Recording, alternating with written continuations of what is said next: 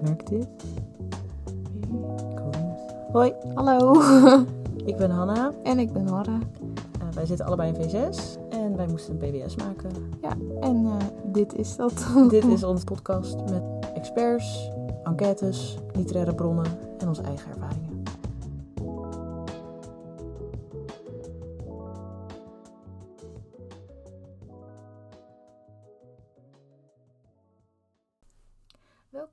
Alweer de vierde en de laatste aflevering. Eh, in deze aflevering gaan we eigenlijk vooral afsluitend praten. Dus wat zijn de conclusies van ons onderzoek? Eh, wat is nog een keer, nogmaals het probleem? Hoe uit het probleem zich? Wat zijn de oplossingen? En eh, hoe gaan we nu verder? Het probleem bleek dus inderdaad dat niet alleen wij hiermee worstelen. Ehm, het is gebleken uit onder andere onze enquête. Dat dus toch wel meer dan eh, de helft van de jongeren, zelfs meer dan 60%, die groepsdruk en die eh, prestatiedruk voelt. Eh, dat ook heel veel jongeren last hebben van bijvoorbeeld faalangst. En dat is dus echt wel een probleem wat... Ja, met faalangst dan was dat vooral die motorische faalangst die jij al eerder benoemd hebt? Ja, wat dan precies het probleem vormt, is naast dat het gewoon heel vervelend is dat leerlingen de les niet als plezierig ervaren. Ja, weet je, natuurkunde vond ik ook geen pretje. Maar eh, dat beweegplezier is heel belangrijk voor dus, zodat je de rest van je leven gewoon lekker bezig blijft, lekker blijft bewegen. Ja, Het is gewoon goed voor je gezondheid, mentaal en fysiek. zeker omdat eh, bewegingsonderwijs is een hele belangrijke aanvulling op je vakkenpakket. Zeker. Laten we dat niet vergeten. Het is super belangrijk voor sociale cohesie, voor eh, gewoon hoe je in je vel zit. Maar het moet ook goed benut worden. Want als het niet goed benut wordt, zoals eerder genoemd, zorgt het ervoor dat eh, jongeren op latere leeftijd veel minder plezier halen uit sporten en bewegen. En hier dan ook dus niet in verder zullen gaan als ze ouder zijn. Omdat ze daar een, negatieve, eh, een negatief gevoel bij hebben. Zeker. Minder- Het zou wel dat lichtpuntje in de week, het moet ontspanning zijn in de week. Ja, en voor sommige mensen kan het gewoon echt een stressmoment zijn. Zeker. Kan echt iets zijn waar mensen dus tegenaan lopen en dat is gewoon niet fijn. Zeker niet eh, als dat dus komt omdat problemen waar je al tegenaan loopt zich dus extra uiten daarin. Eh, wat voor veel mensen het geval is als jij dus in de knoop zit met jezelf, met je lichaam. Ehm, en dat wordt nog eens extra benadrukt door je niet kunnen of eh, falen tijdens zo'n vak als bewegingsonderwijs, waar je dus ja, constant wordt beoordeeld op je lichaam en je kunnen Ja, dan eh, is het geen pretje. Nou, dan hebben we gekeken naar hoe kunnen we dat oplossen. mhm. nou, als eerste is natuurlijk een oplossing eh, gewoon het taboe doorbreken. Zeker. Eh, meer praten over dat het een probleem is. En dat het probleem er ook mag zijn. Op dit moment is het gewoon een beetje een stigma. Er wordt weinig over gepraat. Mensen die last hebben van het probleem voelen zich eenzaam. En ik denk als we dit taboe doorbreken, dat mensen zich ten eerste een stuk minder eenzaam voelen. Wat erg bevorderlijk kan zijn. En eh, ook dat het ervoor zorgt dat mensen misschien snappen dat doordat ze niet alleen zijn, dat het ook helemaal niet erg is om je zo te voelen, maar dat het er wel van eh, voor kan zorgen, die mindere, mindere eenzaamheid, dat je je dan misschien wat beter gaat voelen, omdat het je niet het gevoel hebt dat het aan jezelf ligt en dat het echt wel een groter probleem is dan alleen jijzelf.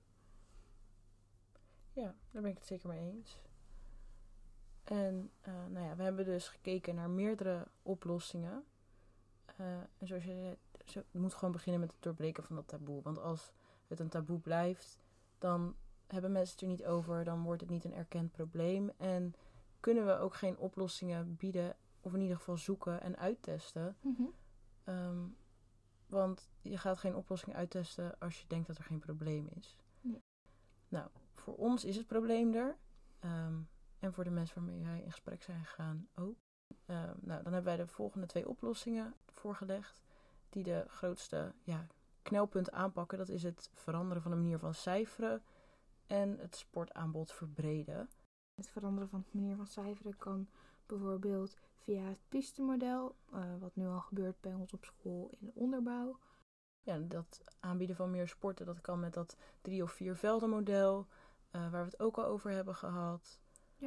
Of de variatie zoals wij die gehad hebben in het afgelopen half jaar. Ehm, daar is natuurlijk, hebben wij geen wetenschappelijk onderzoek naar, naar die laatste mogelijkheid. Dat is gewoon eigen ervaring. ervaring. En die was zeer positief Ja, op eh, onze testgroep. en ja, wij horen gewoon van veel mensen dat zij dat een, een fijne manier vonden om te sporten. En wat ook nog zou kunnen bijdragen aan die oplossingen zijn bijvoorbeeld lessen weerbaarheid, zoals we die in de laatste aflevering hebben besproken. En daar zou niet alleen bewegingsonderwijs belang bij hebben, maar ik denk dat iedereen daar belang bij heeft, ongeacht de leeftijd, het vakkenpakket, eh, je interesses. Mhm. Het is voor iedereen goed. En ehm, dat is ook wel interessant om eh, dat vorm te gaan geven binnen school. Mhm. Ja, hoe gaan we dan nu verder? Wij hebben natuurlijk niet echt de macht, zal ik het maar noemen, om eh, echt iets te veranderen. Ja, de positie. De positie of de middelen om ons onderzoek nog verder te trekken en groter te maken. Ehm, maar er zijn instanties die dat wel hebben. Dus wij hopen toch wel dat er vooral onderzoek naar gedaan blijft worden. Eh, zeker nu elke keer blijkt uit cijfers van het CBS dat jaarlijks de, ja, het getal wat jongeren aan hun eh, geluk zouden verbinden toch steeds lager wordt. Mhm. En er toch nog steeds stijgende percentages zijn in de mentale problemen van jongeren. Is het heel belangrijk dat er verder onderzoek gedaan blijft worden. Wij hopen ook dat wij eh, misschien een beetje voor de partijen die wel in een soort van machtspositie staan hierin, dat wij eh, misschien een balletje hebben laten kunnen rollen over dat het een probleem is en dat dit ook niet alleen bij ons een probleem is. Dus we hopen ook dat daar misschien verandering in zit of dat er eh, in ieder geval over gepraat wordt. Dat zou al heel veel zijn. Ja. En ik denk ook dat het heel erg zou kunnen bijdragen in de schoolcarrière van een leerling. Een positieve ervaring bij gym, dat kan zo fijn zijn. Want je leert er wel heel veel. Als het goed gaat, dan is het heel goed voor je sociale ontwikkeling, voor je motorische ontwikkeling, eh, voor je vaardigheden, voor hoe jij in de groep ligt, eh, hoe jij je voelt op school. Dat alles kan zo verbeterd worden door gym, maar het kan ook totaal tegenovergestelde veroorzaken. En dat is natuurlijk wat je zeker niet wilt. En dat willen ook gymdocenten niet en dat wil ook school niet. Dus we hopen toch wel dat we hiermee kunnen zeggen dat er belang is bij goede gymlessen en dat op een goede manier vormgeven. Gebaseerd op onderzoek en ja, vraag en aanbod van leerlingen. Zeker omdat eh, de benodigde onderzoeken er op dit moment gewoon nog niet zijn voor dit onderwerp. Er is geen onderzoek over de invloed van bewegingsonderwijs op mentale gesteldheid. Die hebben wij nergens gezien. Nee, het en is het gaat keer- alleen maar of over het bewegen en de invloed daarvan, of over bewegingsonder, de invloed van bewegingsonderwijs op de fysieke gezondheid van leerlingen, wat natuurlijk ook belangrijk is. Maar ik denk dat in de huidige maatschappij zeker belangrijk is om ook een keer te focussen op het mentale aspect hiervan. Want er is gewoon zo weinig over te vinden. En ik denk dat hier zeker wel iets ligt wat verbeterd kan worden, veranderd ja, kan worden. zeker. En dat het met een onderzoek nog makkelijker wordt. Ja, want heel veel onderzoeken zijn nu, zoals jij al zei, het is als je niet lekker in je vel zit, wandel een rondje buiten. Dat is nu eigenlijk wat Mhm. er vaak gezegd wordt. En het, het wordt nooit vanaf de andere kant benaderd. Dat ja, als jij problemen hebt met jezelf of met je zelfbeeld, je lichaam, voeding, dat juist dat enorme pushen van het belang van bewegen ook de andere kant heen kan slaan. En natuurlijk Ja. voor de meerderheid, niet iedereen heeft daar last van. En we hopen natuurlijk dat het grootste gedeelte van de jongeren eh, dat niet op die manier interpreteert. Maar ik weet dat het ook andersom kan zijn. En dat is wel iets waar rekening mee gehouden kan en eigenlijk moet worden. Ja. En dat gebeurt nu gewoon net te weinig, Mhm. merken we. Dat komt dus ook voort uit dat er gewoon geen onderzoek is en eigenlijk geen besef dat het zo is. Nee. Dus ja, hoe nu verder? Wij hopen dat de GGD, eh, GGZ, ministerie van Sport en Beweging zich misschien eens op de andere kant gaat focussen van het verhaal. Mhm. En ik denk dat dat ook tegenwoordig veel meer gebeurt dan Zeker. eerst. Maar ik denk, eh, Ja, want we merken het natuurlijk ook al bij ons op school zijn ze ook al bezig met Dus dat piste-model in de onderbouw. Ik denk dat wij net de laatste generatie zijn die dat gemist hebben. Ja, en Dat is jammer. inderdaad. Ja, en ik denk gewoon dat er op dit gebied nog echt heel veel te halen valt. En Ja. echt, er zit nog zoveel verbetering in. En, Want het kan zo leuk zijn als het iets is waar jij je fijn bij voelt. en het is ook zo belangrijk bij een vak zoals bewegingsonderwijs om je comfortabel te voelen. En Dan ga je gemak. vanzelf meer durven, meer doen. En ja, krijg je dus ook meer participatie in de les. Ja. En dat is natuurlijk waar je naar streeft uiteindelijk. Dat Mhm. gewoon 100% van de leerlingen bij de les aanwezig is en meedoet. Nou weet ik niet of dat realistisch is, maar 75% zou toch wel fijn zijn. ja, En als we nu zien dat gewoon nog ja, bijna 65% zich niet comfortabel voelt, of in ieder geval momenten regelmatig van ongemak ervaart, ja, dan valt er inderdaad heel veel te halen. En dat wilden wij ook vooral heel graag laten blijken met ons PWS, dat dit een probleem is. En ik hoop dat we dit zo goed genoeg hebben kunnen onderbouwen, aan kunnen tonen met verschillende bronnen, een inkijkje hebben kunnen geven in hoe denken die tieners er nou echt over? Zijn ze nou echt lui of zit er wat anders achter? en vooral ook denk ik dat het voor ons heel belangrijk is dat wij onze eigen ervaring ergens kwijt konden. Zeker. bij mensen konden delen. Want eigenlijk zijn we er. We wisten van elkaar dat het een ding was. Maar om het eens te horen van mensen buiten je eigen cirkel, is het toch wel een soort opluchting of zo. Ja, maar ergens ook wel confronterend. Bij een ander, ik had het eh, heel erg met bijvoorbeeld Alissa, dan denk ik, ja, maar het is zo raar dat je, dat je het daarvan af laat hangen. Maar zelf heb je het ook gedaan. Mhm. Ik had zelf ook dat ik waarde hecht aan dat soort dingen. En me zo erg liep beïnvloeden door wat denken mensen van mij, hoe kijken mensen naar mij. Wat zo raar is, want je hebt dat niet nodig. Je hoeft niet goed te presteren om gerespecteerd te worden of om te mogen bestaan. En het is toch wel zo voelt alsof, het, alsof je je wel moet bewijzen om gewoon jezelf te mogen zijn. Ja, terwijl eigenlijk is dat helemaal geen ding. Nee. En dat blijft natuurlijk ook iets ja, wat in de samenleving altijd zo is. Mhm.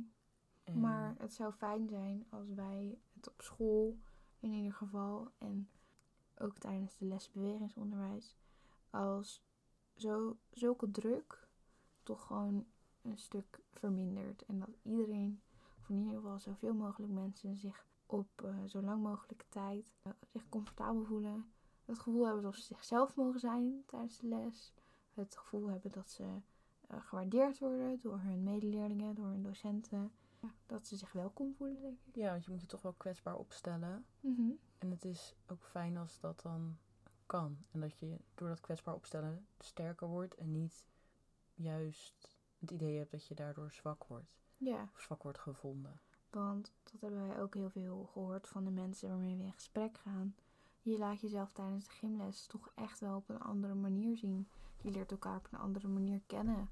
Maar heel eerlijk, toen wij in de onderbouw gym hadden, wilde ik niet dat mensen die kant van mij leerden kennen. Ik wil niet dat mensen mij zo zagen.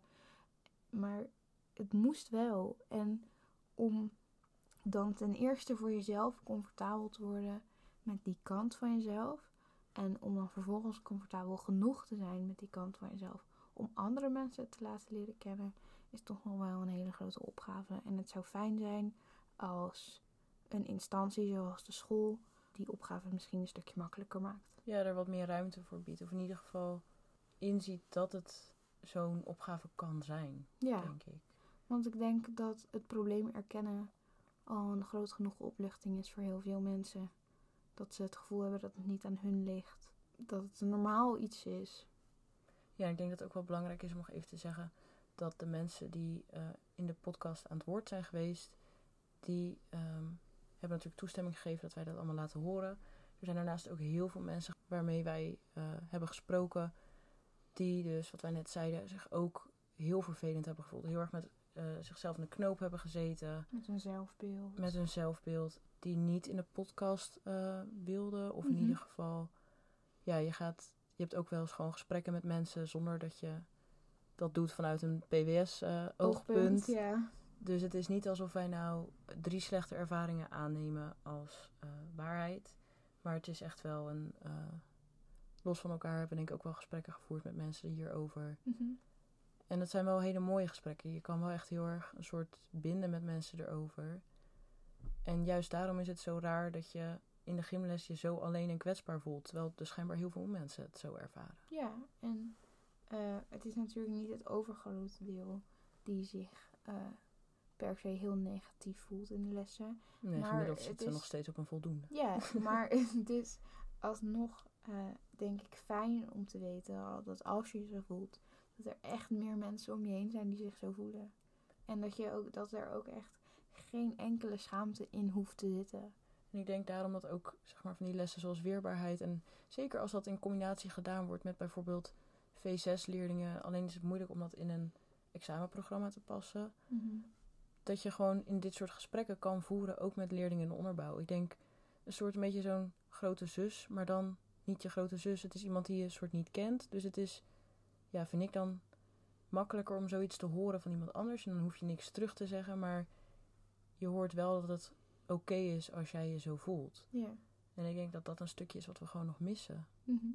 Gewoon een net wat, toch wel in de, in de klas sporten, maar bijvoorbeeld opgesplitst in drie niveaus. Dus je bent wel met z'n allen, maar het is niet alsof iedereen staat te kijken hoe jij het niet kan. En het is ook niet alsof er wordt becijferd terwijl de hele klas staat. Dat zijn gewoon van die hele kleine dingetjes die heel makkelijk zijn door te voeren, die ook steeds meer worden doorgevoerd bij Mhm. ons in de afgelopen jaren. Zeker. Die het verschil hebben gemaakt voor mij en ik denk ook het verschil maken voor heel veel mensen. Ja, zeker. Ja, ik denk dat dit eh, is wat wij hebben ondervonden. En eh, we hopen dat we, eh, zoals we aan het begin al zeiden van deze podcast, iets hebben bij kunnen dragen aan nieuwe kennis. Denk jij dat als er deze kennis en die taboe een beetje wordt opgelicht, dat Nora uit de onderbouw zich anders had gevoeld? Ik denk dat Nora uit de onderbouw zich een stuk minder eenzaam had gevoeld. En denk ik ook wel een stuk minder verdrietig als ze erin moest gaan. ja. en Hanna uit de onderbouw. Ja, ik denk dat Hanna de onderbouw hier ook wel eh, wat aan had gehad. Ik vond het in ieder geval heel interessant om dit onderzoek te doen. Ik ook. Ik heb er eh, bijzonder veel van geleerd. Bijzonder veel over mezelf geleerd. Ja, vooral dat. Heel erg dat. Ehm, ik vind het fijn dat voor mijn gevoel het probleem wel een beetje erkend is. En niet per se dat het een groot probleem is, maar een, meer dat mensen om ons heen ook zeggen: ja, daar heb ik ook last van. Dat voelt heel erg fijn op een of andere manier. Het is heel dubbel. Aan de ene kant vind je het heel vervelend dat die mensen zich zo voelen, maar aan de andere kant ben je toch wel ergens opgelucht dat eh, andere mensen zich zo voelen en dat je echt niet alleen daarin bent. Ja. Dus ik ben heel erg blij dat we dit hebben kunnen doen. En nou eh, hoop ik dat we er wat moois van hebben gemaakt. Ja, ik hoop het ook. Ja, wat je al zei, ik heb ook wel vooral veel over mezelf geleerd. En hoe ik me nou daadwerkelijk voelde en wat was nou daadwerkelijk het probleem. En wat kan dat probleem nou veranderen? En ja, zoiets kleins als twee uur gym in de week kunnen je week maken of breken. En als van die kleine aanpassingen daarbij kunnen bijdragen, is dat denk ik wel waard om daar naar te kijken. Ja. En met dat Sluiten we hem af. sluiten we hem af, Ja, denk ik. heel erg bedankt voor Heel erg bedankt voor het luisteren. We hopen dat het eh, uw tijd waard is geweest. En dat u met nieuwe inzichten eh, weer aan de slag kunt gaan. Ja, inderdaad. Ja, wilt u nou de bronnen die wij hebben gebruikt nog even doorlezen, eh, raadplegen? Die staan allemaal vermeld in bijgaande beschrijving.